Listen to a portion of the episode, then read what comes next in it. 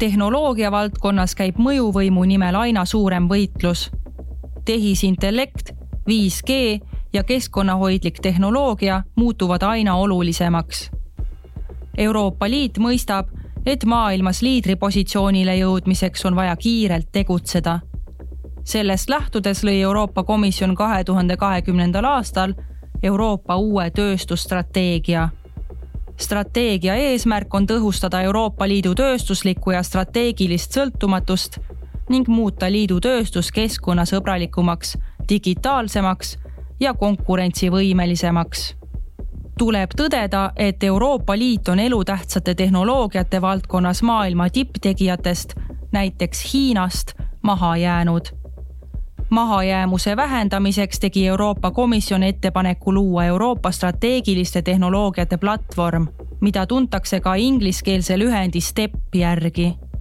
STEPiga soovitakse tagada Euroopa Liidu tööstusele piisav rahastus, et toetada innovatsiooni ning võtta kasutusele ja toota uut tehnoloogiat. eesmärk on, et Euroopa Liit ei piirdu ainult tipptegijatele järelejõudmisega, vaid hõivab tehnoloogia valdkonnas liidripositsiooni. kuulate saatesarja Suuremad eesmärgid, parem õigusloome. tänase saate teema on Euroopa strateegiliste tehnoloogiate platvorm ehk STEP uurime, kuidas STEP aitab suurendada Euroopa Liidu iseseisvust, vähendada strateegilist sõltuvust ning luua konkurentsi ja vastupanuvõimelisemat Euroopa Liitu maailmas, kus tehnoloogiline areng niipea ei peatu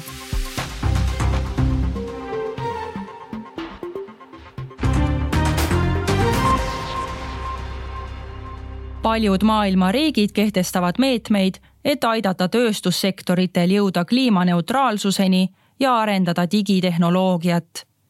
näiteks Kanada koostas kahe tuhande kahekümne kolmandal aastal kava Made in Canada, mille üks osa on investeeringud rohemajandusse.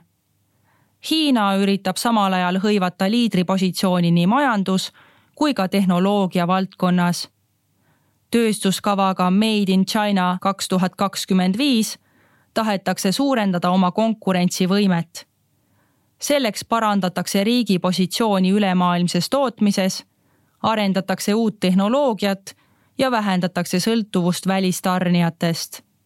Euroopa strateegiliste tehnoloogiate platvormi loomist võibki näha vastukäiguna sellistele tegevuskavadele.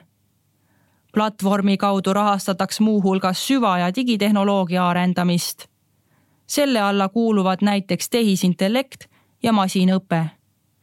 samuti soovitakse rahastada puhast tehnoloogiat, mis põhineb taastuvatel energiaallikatel, näiteks päikese- ja tuuleenergial ning biotehnoloogiat, sealhulgas bioloogiliste ravimite väljatöötamist ja tootmist rohe- ja digipöörde kontekstis on STEP-i eesmärk vähendada Euroopa Liidu strateegilisi sõltuvusi et suurendada seeläbi tehnoloogia valdkonna iseseisvust ja vastupanuvõimet. aga kuidas Euroopa Liit STEP-i investeeringuid rahastab? eelkõige on STEP-i eesmärk parandada liidu raha kasutust. Selleks korraldatakse praegused rahastusprogrammid ümber. olemasolevale rahale lisatakse aga veel kümme miljardit eurot kokku võib programmi kaudu eraldatav rahastus ulatuda kuni saja kuuekümne miljardi euroni. olemasoleva raha kasutamisel on Euroopa Komisjoni sõnul kolm olulist eelist. nii tagatakse kiiremad väljamaksed, lihtsustatakse rahastusallikate kombineerimist ja muudetakse tänu sellele Euroopa Liidu rahakasutus tõhusamaks raha suunatakse digi, bio ja puhast tehnoloogiat arendavatele strateegilistele projektidele et tulla toime rohe- ja digipöörde probleemidega. STEP-i raames luuakse ka ainulaadne suveräänsusmärgis. see kvaliteedimärgis antakse projektidele, mis toetavad STEP-i eesmärkide saavutamist. Tänu märgisele on projekti lihtsam kaasata avaliku ja erasektori investoreid.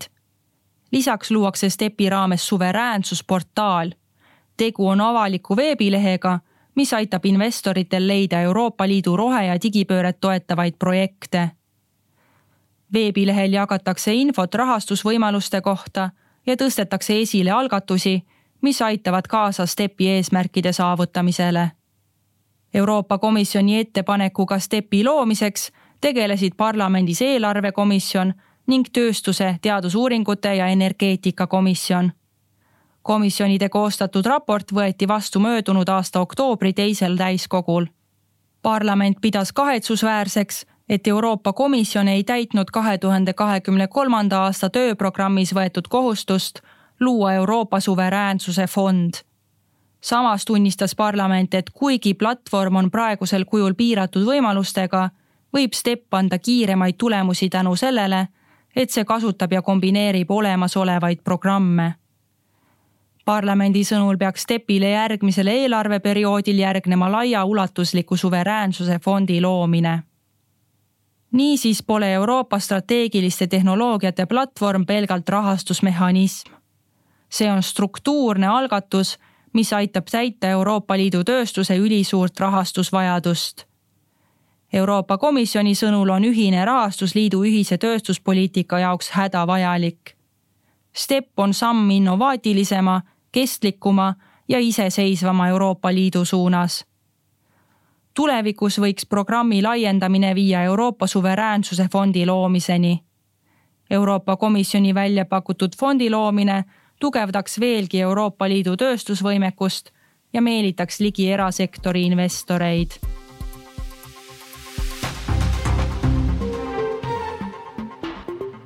saate tõi teieni Euroopa Parlament. lisateavet leiate meie veebisaidilt Think Tank